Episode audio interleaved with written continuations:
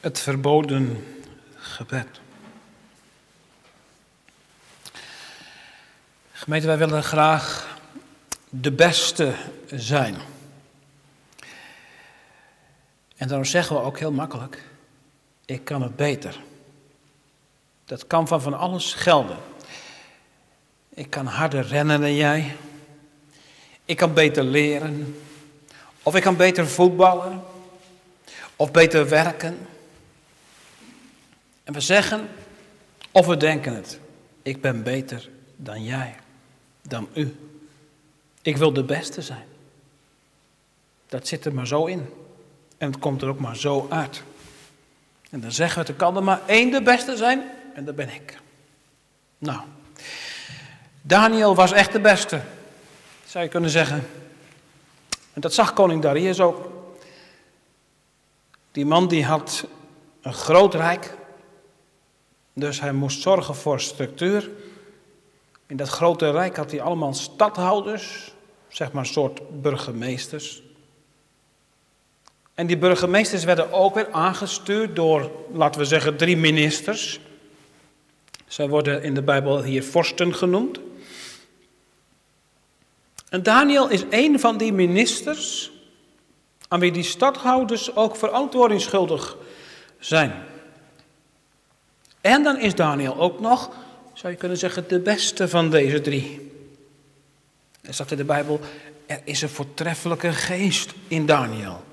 En als je hoofdstuk 1 leest, dan lees je ook dat die mannen van de stam van Juda die meegenomen zijn uit ballingschap bijzondere gaven hadden. Het gaat over Daniel en zijn drie vrienden. En de koning ziet het, Darius. Daniel stijgt met kop en schouders boven alles en iedereen uit. Hoe komt dat eigenlijk? Hoe komt Daniel dan aan die voortreffelijke geest? Is dat zomaar iets van, ja, die man is eenmaal geleerd en knap en, en wijs?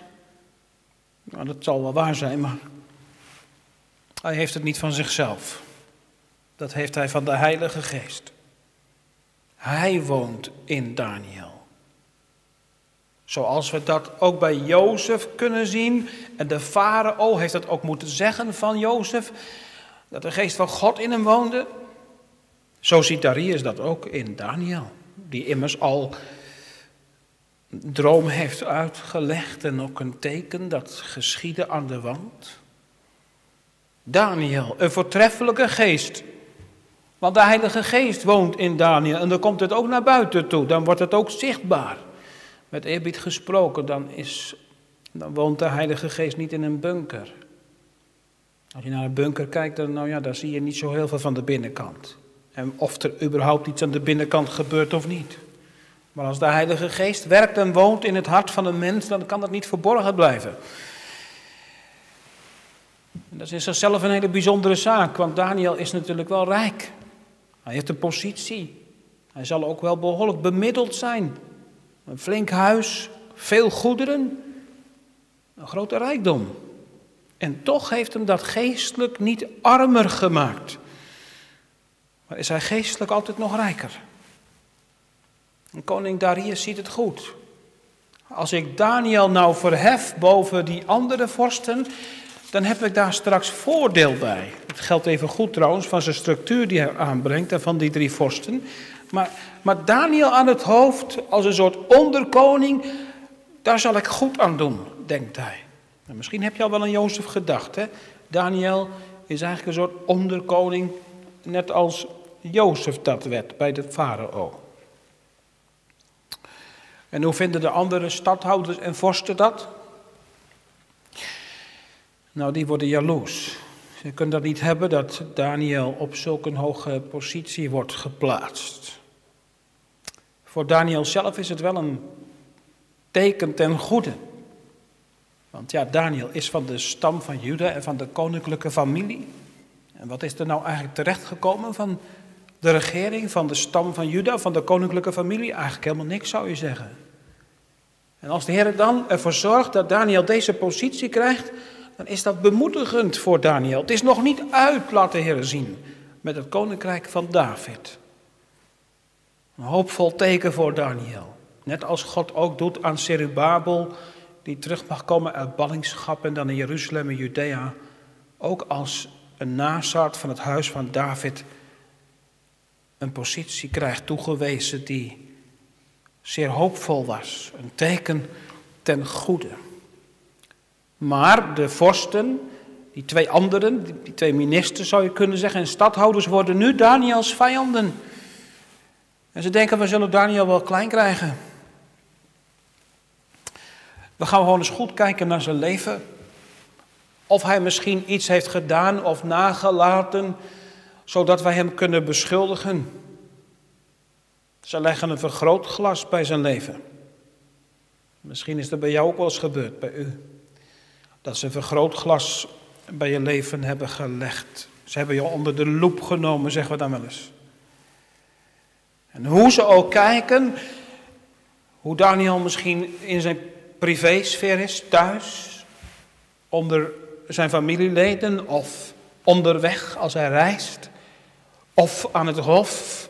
Hoe ze ook kijken, ze kunnen niets aanwijzen van zonden, van misdaden. Jawel, Daniel weet wel van zijn zonde voor God. We lezen ook in het boek Daniel dat hij ze heeft beleden voor God. Maar de mensen konden geen misdaad, geen gelegenheid vinden. Geen moment aanwijzen in zijn leven waarop Daniel in overtreding was. Wat zou nou de reden zijn dat ze dit doen bij Daniel? Nou ja, zegt u. Zij willen zelf. Allemaal hebben ze dat. Ze willen allemaal zelf die belangrijkste positie, de beste zijn, aan de top staan. Of moeten we zeggen, er ligt een diepere oorzaak achter. Achter deze vijandschap. De boze, de duivel die er immers op uit is om het rijk van David te smoren, uit te roeien. En om te voorkomen, als hij dat kon, dat de Messias uit het huis van David geboren zou worden. Nou, u weet het, het is de boze niet gelukt. Maar daarom heeft hij nog wel steeds werk te doen. Ook vandaag probeert hij de uitbreiding van Gods koninkrijk tegen te gaan. En daarom is de kerk op aarde een strijdende kerk, een leidende kerk. We leven in de lijdenstijd, waarin we het lijden van de Heer Jezus overdenken, maar dat staat niet los van het lijden van de kerk. Ook dat mag wel gepredikt worden in deze tijd. Denkend ook aan hen die vandaag de dag veel meer dan wij blootstaan aan vervolging. Ook vandaag probeert hij christenen in kwaad daglicht te stellen. En ook Joden trouwens, die min, geminacht worden en bestreden door allerlei regeringen, ook door de EU, waar mensen proberen zoveel mogelijk organisaties bij elkaar te voegen om allerlei boycotts te hebben tegen Israël enzovoort. Dan komen ze met een vergrootglas naar de Joden te kijken. Wat doen ze allemaal niet verkeerd? Ze komen ook wereldwijd naar het christendom, een vergrootglas erbij. Wat zeggen ze allemaal? En ze komen ook kijken met een vergrootglas naar jouw leven, naar uw leven, om eens te kijken wat ze allemaal niet kunnen aanwijzen aan zonden. Beseft u dat? Dat de wereld naar u kijkt, naar ons kijkt. En wat ziet de wereld bij ons? Als ze ons onder de loep neemt. Zien ze dan ook, net als bij Daniel, de inwoning van de Heilige Geest? Ja, wie is dan in staat om, om, om, om vruchtjes te tellen aan zijn eigen levensboom? Dat, dat, dat hoeft u niet te doen. Dat vraag ik van u niet dat u dat gaat doen. Maar daar zijn mensen maar mee bezig om bij zichzelf te tellen en te tellen om te bewijzen dat ze een kind van God zijn. Daar hoeft u niet aan mee te doen. Nou, ze kunnen in het leven van Daniel niets aanwijzen. Hij is immers getrouw. God vrezend en wijkend van alle kwaad. Om het even te zeggen met Job. Ze kunnen geen enkel vergrijp of misdaad, misstap aanwijzen. Dus dan kunnen ze wel stoppen met hun snode plannen. Nou, dat doen ze niet. Want ze moeten iets bedenken om Daniel van die stoel af te krijgen, van die positie. En die mannen weten heel goed wat Daniel doet hoor. En ze zeggen tegen elkaar, nou misschien is er wel iets in zijn godsdienst, in de manier waarop hij zijn God dient, dat dan voor onze reden kan zijn om hem weg te krijgen. Nou, heb het gelezen wat er is gebeurd. Ze hebben het ook gezien. Daar kunnen we iets mee. S'morgens, smiddags, s'avonds, dan staat hij daar bij, bij het venster te bidden. En knielt hij, zijn handen opgeheven naar zijn God en hij roept. Daar kunnen we wat mee. Oh, wat haten ze hem, juist daarom. En dan gaan ze naar de koning toe. Koning, als we nou eens, ja, we hebben een vergadering gehad, hè. Stadhouders, vorsten. Er is goed over nagedacht. En het leek ons goed, koning, om, om een wet te tekenen, door u te laten tekenen. Dat geen mens ook maar mag vragen aan een God of een andere mens dan alleen aan u, dertig dagen lang. Dus je mag aan niemand wat vragen, aan geen God en geen mens. Dan alleen aan de koning, want die is hoger dan alle goden. Dat is eigenlijk wat ze daarmee zeggen tegen Darius. Darius is nog belangrijker dan de goden. Zouden ze het echt menen, denk je? Geloof er maar niets van. De vijanden van Daniel willen allemaal hetzelfde. Ze willen zelf God zijn. En dat is een mens zoals die van nature is. Dat is trouwens ook een bijzonder kenmerk in het boek Daniel. Dat de nadruk niet zo ligt op, op de afgoden van steen, hout, goud, zilver of wat dan ook. Maar het ergste wat er gebeurt in het boek Daniel is dat mensen zichzelf maken tot een God. Bijzonder actueel, vindt u niet? Ook vandaag de dag. De mens heeft zichzelf tot een God gemaakt en daarom heeft hij God niet meer nodig. En in de ethiek, God niet meer nodig. Wij zijn baas over onszelf, over ons lichaam. Of ik een man wil zijn of een vrouw, dat maak ik zelf nog wel uit. Daarom wordt er met God gespot.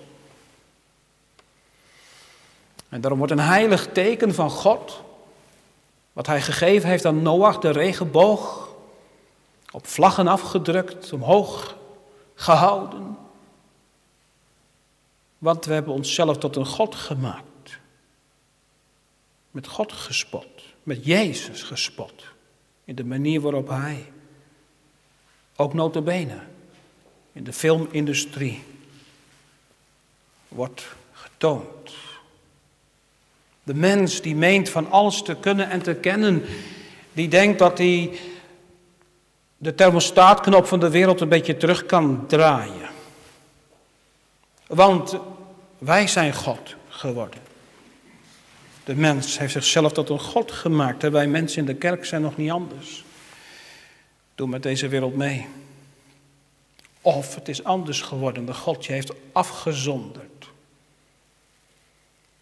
Nou gemeente, u begrijpt dat Darius zichzelf vereerd voelt. Als die mannen komen bij hem, dan, dan, dan, dan kan hij dus opmaken uit heel het verhaal wat ze hem doen. Dus ik ben nog belangrijker dan de goden. Is eigenlijk wel een mooie gedachte. Dat streelt hem wel. En dan tekent hij ook die wet. Die wet van de mede en de persen. En er staat nog iets in, hè? Niet alleen dat je niet mag buigen en bidden tot een God of tot een mens, maar ook als je dat wel doet, dat je dan in de kuil van de leeuwen geworpen wordt. Een grot of een kelder. Nou, Daniel die krijgt het ook te horen en te lezen. Het geldt ook voor hem. Wat moet hij nu doen? Kan hij niet beter een plek zoeken waar niemand hem ziet als hij bidt? Kan hij misschien niet beter alleen bidden ergens in zijn hart? met zijn gedachten. Dan hoeft toch niemand dat te zien, want ja, Daniel die heeft geen beeld nodig, hè. Er zijn genoeg mensen in het rijk van Darius die buigen voor een beeld.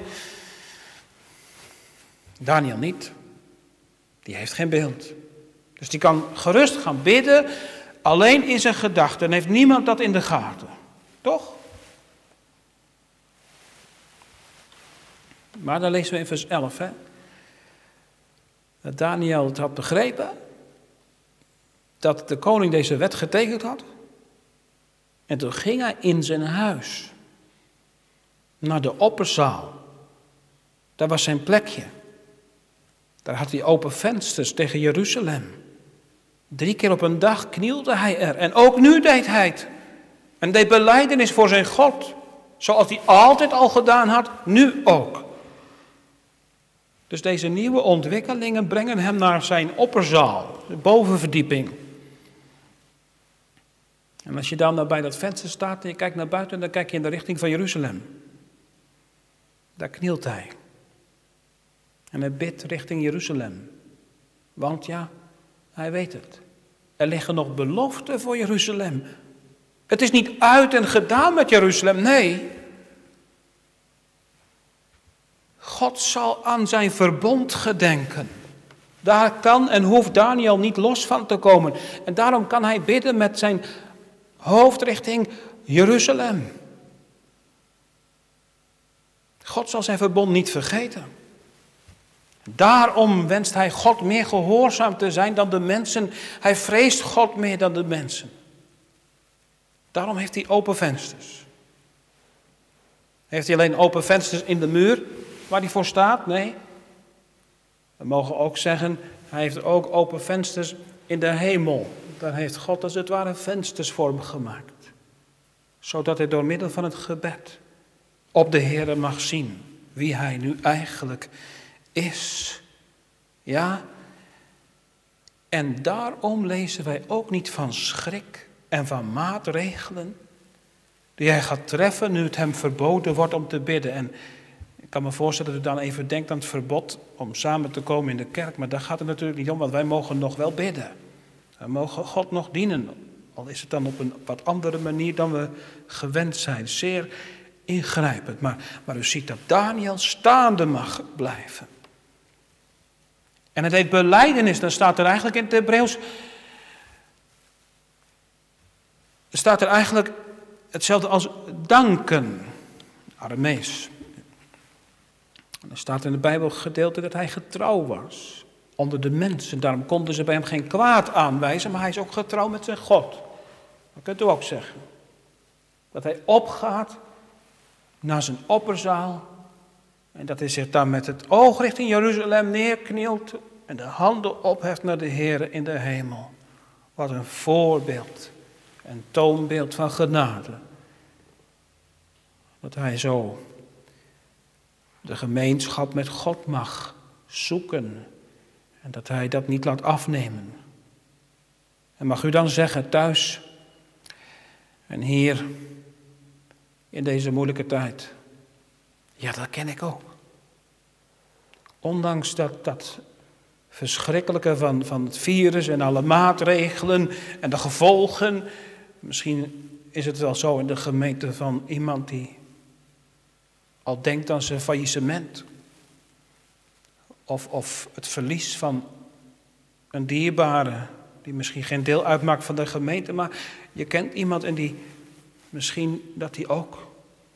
En het hoeft nog niet eens aan het coronavirus te liggen, maar er kunnen ook andere redenen zijn waar wij hem sterven. Mag u dan zeggen, in dat alles, in deze tijd, ja, ik heb ook zo'n plaats, open vensters. En dan hoef ik me niet te richten op Jeruzalem. Ja, toch wel. In mijn gedachten denk ik dan aan Golgotha. Waar Christus gehangen heeft aan het hout. En waar hij die weg gebaand heeft naar de genadetroon. Want ja, daar is het voorhangsel op Goede Vrijdag opengescheurd van boven naar beneden. Opdat er een weg geopenbaard zou worden naar de genadetroon van God. Christus daar richt ik mij naar. Die grote voorbidder in de hemel bij de Vader. waar hij alles mag eisen voor zijn kerk. Open vensters. Niet alleen omdat Daniel vanuit die open vensters zich tot God mag richten, maar ook open vensters omdat de Heer zich richt tot Daniel. En dat hij dan ook antwoordt op het gebed. Dat God zijn liefdeshart opent en openbaart. Om binnen te komen door de vensters van uw leven met alle genade die u nodig hebt van dag tot dag. Mag u dat geheim kennen. In deze tijd. Maar niet alleen in deze tijd natuurlijk. Dat is een geheim dat u al had moeten kennen, ook voor die moeilijke tijd. Toch? Toen was het u toch ook gezegd. En als u nog niet zo'n opperzaal hebt, zo'n plaats, met andere woorden, nog de gemeenschap met God niet kent, dan, dan mag ik u toeroepen dat u het nog kunt verkrijgen door het geloof in Christus. door het geloof in Christus wordt de hemel geopend om rust te vinden aan het hart van God. Als ik geloof in Christus, dan mogen de zonder schuld, zonder last van me afvallen. En dan weet ik ook en gevoel ik ook dat de kettingen van het rijk van Satan doorgebroken zijn. Dan word ik gebracht in de omgang met God en dan mag ik de zegeningen van de Almachtige God op mij neer zien komen. Wat erg als wij nog zo gemakkelijk voort kunnen zonder deze gave. En wat een voorbeeld van volharding in het geloof. Daniel die moet blijven doen wat hij altijd al deed. En wat is het belangrijk? Om Daniel ook te volgen in die orde, die geestelijke orde die hij heeft aangebracht in zijn leven. Hij hoeft het niet te verdienen. Maar er zijn wel genademiddelen die God heeft aangewezen. Dat we op vaste tijden de Heer zoeken in het lezen van zijn woord, in het gebed. Het luisteren naar de prediking van het woord, omdat we nu niet hier samen kunnen komen. En we verlangen en bidden dat dat toch weer op Gods tijd zou mogen plaatsvinden. Maar gemeente, hoe komt het nou dat koning Darius gezien heeft? Dat Daniel zo bijzonder begaafd is, een voortreffelijke geest heeft. Zou dat gezien zijn aan Daniel als hij dit leven niet had? Als hij niet dagelijks te vinden was bij die open vensters? Geloof het niet. Oh, als wij de genademiddelen laten liggen kan nooit goed zijn. Dan komt er achteruitgang in het geestelijke leven. We horen in onze tijd ook veel over het gebed. Hè? Oproep tot gebed, gebedsdiensten, een hele goede zaak. Want het christendom mag een geheim kennen en, en er ook van spreken. De Heer heeft open vensters gegeven. Maar zou het ook kunnen zijn dat misschien dwars door het geschreeuw en het geroep over gebed onze armoede, geestelijke armoede openbaar komt. Zijn we echt zo geestelijk? Of is er misschien wel heel veel vrees? En hebben dat verbloemd met een heel stuk toneelspel? Kunnen we echt bidden, ook in deze dingen, Heere, uw wil geschieden. O Heere, doe wat recht is in zijn oog. En het gebed, kom Heere Jezus, ja kom haastelijk. Is dat er dan ook? En net hebben we wat gezegd over de wereld die spot met God. Die zichzelf tot een God gemaakt heeft en daarom spot met God. En misschien hebben we heel stellig gezegd, alles wat er gebeurt is een straf van God. En dan moeten we ook zeggen vanavond, er is genoeg in deze wereld aan onrecht dat de straf van God afroept als het ware. Maar wat is nou de plaats van de kerk in dit alles? Wij hebben God op het hoogst misdaan. Als Daniel bidt, wat verderop in dit boek, om de terugkeer uit ballingschap naar het oude Canaan, naar Jeruzalem en Juda, dan doet hij beleidenis van zijn zonde en de zonde van zijn volk. Ach, wat heeft het geopenbaard in uw leven persoonlijk? Wat heeft het met jou gedaan? Hoe dan ook. God is nog steeds machtig en gewillig open vensters te geven in de hemel voor verloren zondaren. Dat is onze eerste gedachte. Het verboden gebed. Begraven bij de leeuwen. Vijanden van David, eh, Daniel moet ik zeggen, die, die komen erop af. Nou, het is ons gelukt, de koning heeft getekend en nou gaan we eens kijken. En niet met, z'n twee of zo, nee. Dan lezen we dat ze met hopen komen. Wel drie keer lezen we over die hopen, hele groepen mensen. Dan loeren ze. En dan in vers 25 van onze schriftlezing daar lezen wij over deze mannen dat zij Daniel overluid beschuldigd hadden. En die woorden, die kunnen ook overgezet worden als, als mannen die het vlees van Daniel zochten te eten. Dus eigenlijk worden deze mannen in de grondtaal als een soort eh, verscheurende leeuwen vertoond. Mannen die zijn vlees wilden eten. Zo, zo staan ze daar bij zijn huis. In de buurt en ze wachten. Zou die straks komen? Heel intimiderend. Zou Daniel nu durven te bidden? Zijn vijanden zijn erger dan de leeuw in de jungle. Of de wildparken en dierentuinen. Even kijken wat hij doet hoor. Het is bijna tijd. Straks zal hij misschien wel. Of zal hij niet durven? En zo bespioneren ze hem. En dan verschijnt Daniel. Want hij heeft in zijn God geloofd, staat aan het einde van dit hoofdstuk. Hij heeft in zijn God geloofd, aan hem vastgehouden. Zienlijke de onzienlijke God. En ze zien het, ja, hij heeft het gedaan. Er is bewijs genoeg. Ze zijn met zoveel. Nou, misschien hebben ze nog wel gewacht. Want ja, misschien stopt hij er zometeen wel mee en komt hij de volgende moment niet. Hij doet het drie keer op een dag, maar zou hij dan de...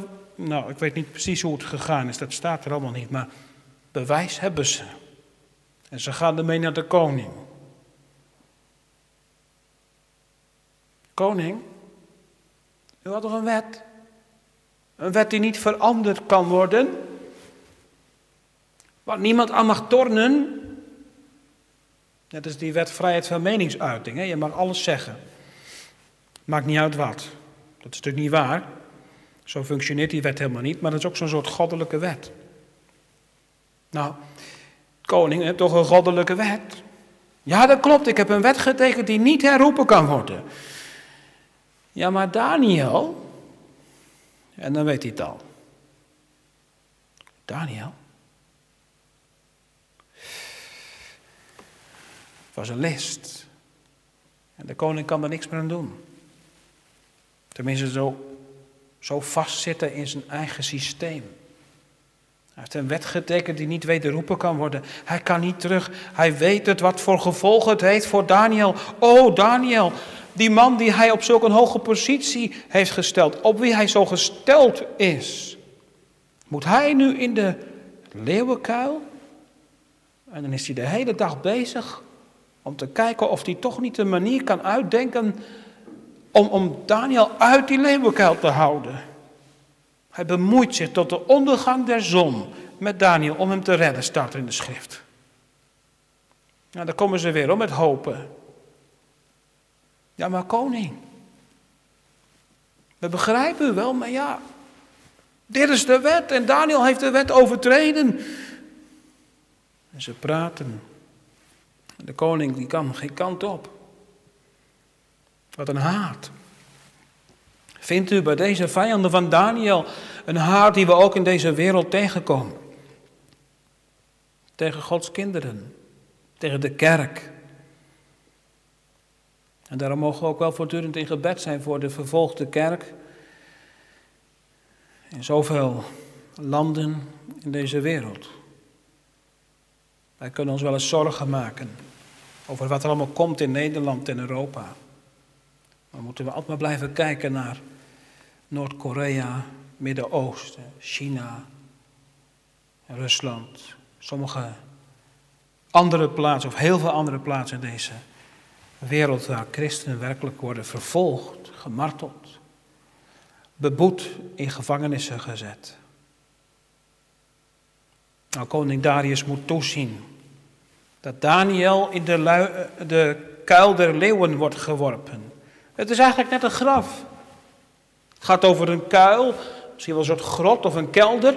En dan wordt er een zware steen voor de opening geplaatst. Daarom dachten we even aan een graf. Daniel wordt begraven bij de leeuwen.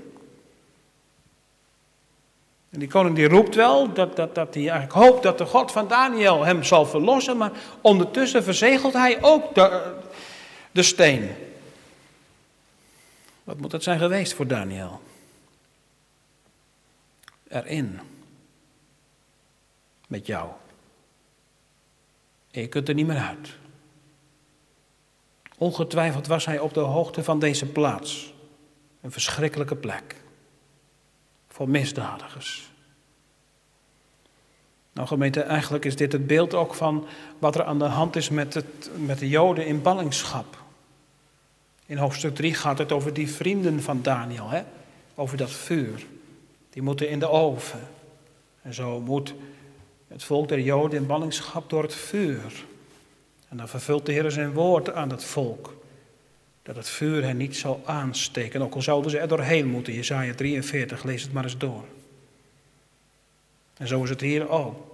Zoals die drie vrienden door het vuur moesten gaan, zo moest het volk Israël of de Joden in ballingschap door het vuur gaan. En zoals Daniel in de kuil der leeuwen verstopt, begraven ligt, opgesloten, zo is het volk der Joden als het ware begraven in het oordeel van de ballingschap en ze kunnen er niet uit van hun kant.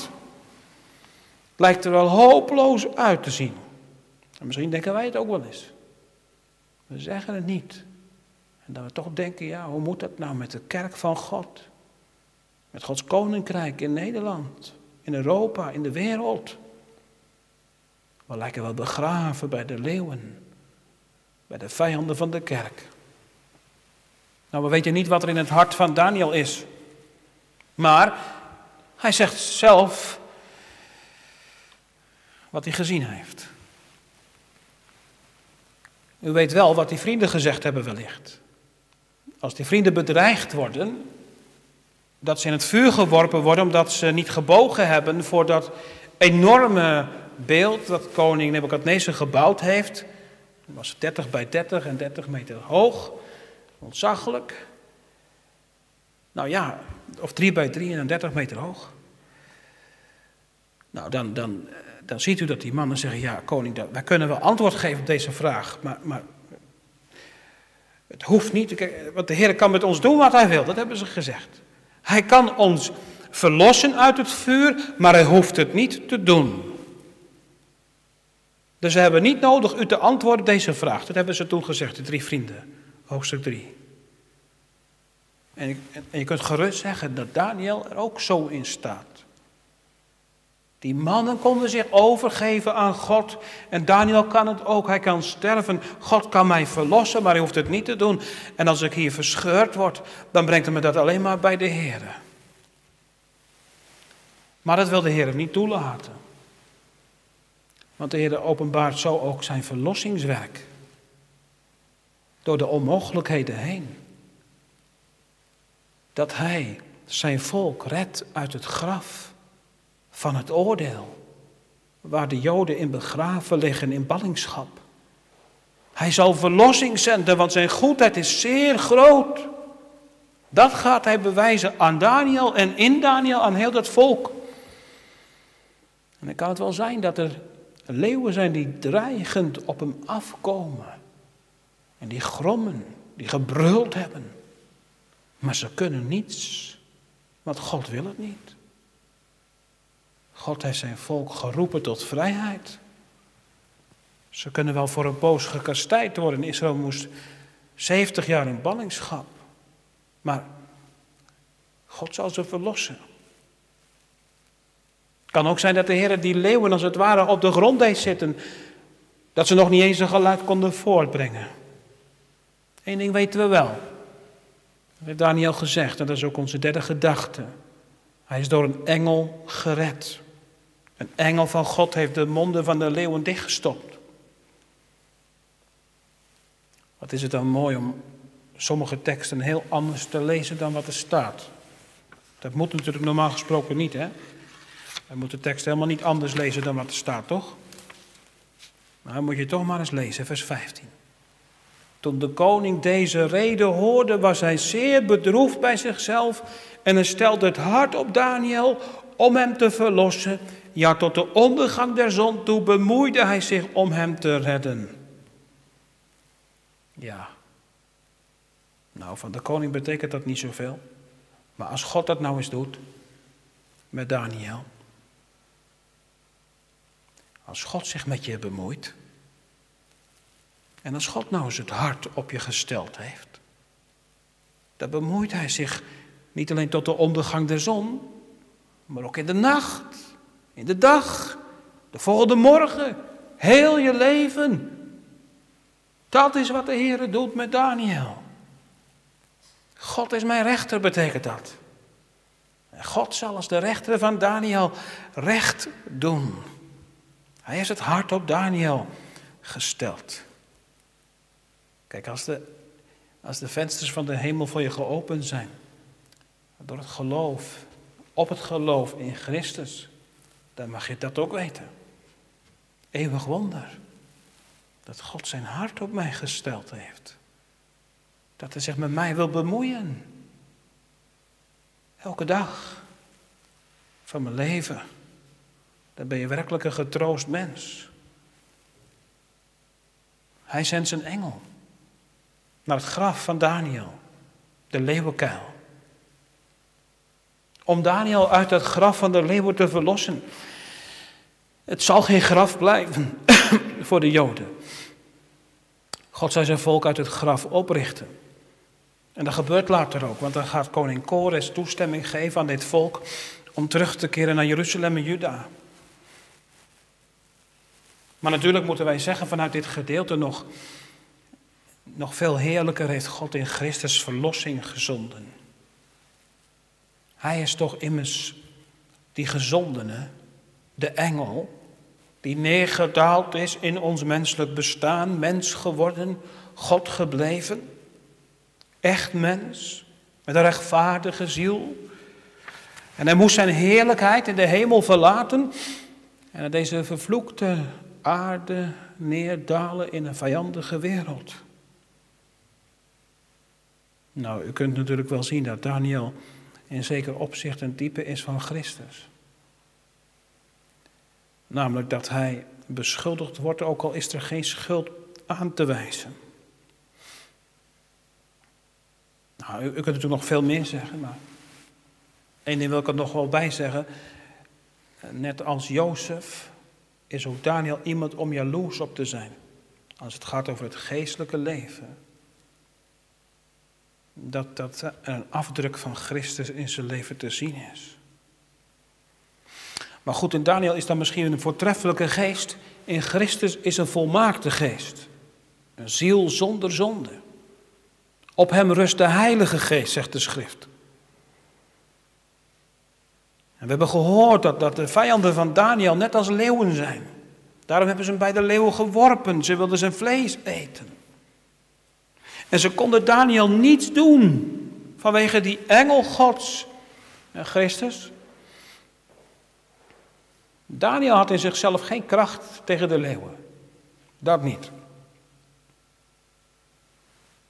Christus wel. Als u nou eens denkt aan die mensen in de hof die, als hij gebeden heeft, komen, Judas voorop. Ze zoeken Jezus de Nazarener. wat zegt Jezus dan? Indien gij naar mij zoekt, laat deze heen gaan. Hè? Maar dan zegt hij ook, ik, ik ben. En als hij daar zijn macht openbaart, zijn autoriteit, dan vallen die mannen allemaal achterover. Hij is allemaal de baas. En hij geeft zichzelf vrijwillig uit enkel liefde over, opdat de discipelen vrij uitkrijgen. Zo laat deze heen gaan. Hij deed het gewillig. Daniel had iemand nodig uit de stam van Juda die voortreffelijker zou zijn dan hem. En die heeft hij gekregen in Christus. Hij is die grote leeuw van Judas stam. Hij liet zich begraven in het graf van zijn kerk. Hij kwam om de duivel, de dood, de hel, de wereld te overwinnen. Nou, dan kun je wel rekenen. Heeft Daniel alleen open vensters gehad in zijn opperzaal? Of ook in dat graf bij de leeuwen, in de leeuwenkuil? Ja, dat heeft hij wel gezien. Als de Heer daar een engel zendt, die komt er ergens vandaan, die komt binnen, vanuit de vensters van de hemel gezonden door God. Mochten wij ook zo zien, op de zending van de Heer Jezus Christus. Hij is gekomen door de vensters van de hemel. En hij is teruggekeerd. Nadat hij is opgestaan en zij opgevaren, opgeheven en gezet aan de rechterhand van God. En daar is hij. En daar staat hij in voor zijn kerk. En dat heeft hij ook gezegd. Mij is gegeven alle macht in de hemel en op de aarde. En ziet, ik ben met u lieden al de dagen tot de voleinding der wereld. Ja, hij is van de vroege morgen tot de late avond en de hele nacht, dag in dag uit bezig met het heil van zijn kerk. En hij staat hem bij in de ellende. En hij bereidt hen voor op de heerlijkheid. Dit is niet ons thuis. Al kan ik me ontzettend verkleefd voelen aan deze aarde. En bezig zijn met de dingen van het hier en nu. Alsof er alleen maar een hier nu maals is. Maar we moeten leren, hier is niet ons thuis. Nee, zoek de dingen die boven zijn. Waar Christus is, aan de rechterhand van God de Vader. Waarvan hij gezegd heeft, ik, ik ga heen om uw plaats te bereiden. En dan zal hij ook wederkomen. Om allen te ontvangen die open vensters hebben gezocht bij hem, voor wie de hemel gesloten werd. Toen hij riep, mijn God, mijn God, waarom hebt gij mij verlaten in die inktzwarte nacht? Daardoor geopende vensters. En hij is dan ook volkomen in staat om hier te sterken en te schragen, te troosten en te verblijden. En straks zal als u in hem gelooft, als jij in hem gelooft, je droefheid worden veranderd in eeuwige blijdschap. Amen.